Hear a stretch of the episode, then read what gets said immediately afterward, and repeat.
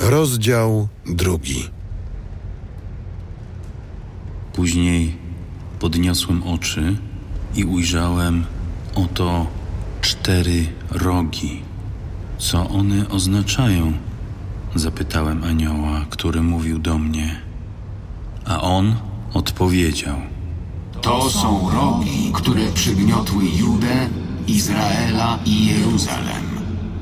I pokazał mi pan czterech rzemieślników.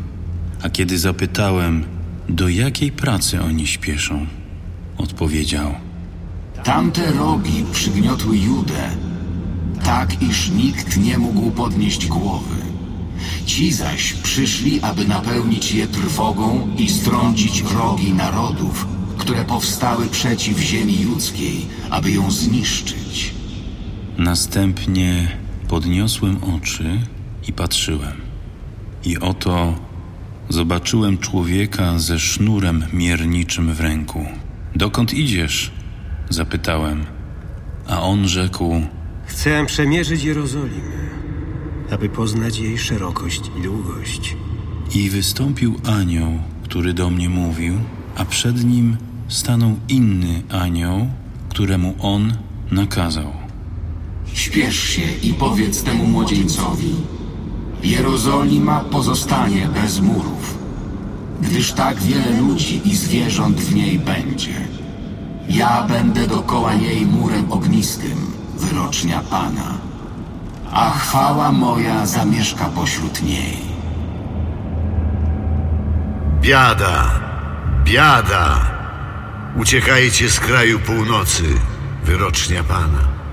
Na cztery strony świata rozproszyłem was. Biada ci, chroń się, Syjonie, który jeszcze przebywasz w Babilonii. Tak mówi Pan zastępów, przesławny do narodów, które was ograbiły. Kto was dotyka, dotyka źrenicy mojego oka. Już bowiem prawica moja nad nimi wyciągnięta i staną się łupem swoich niewolników.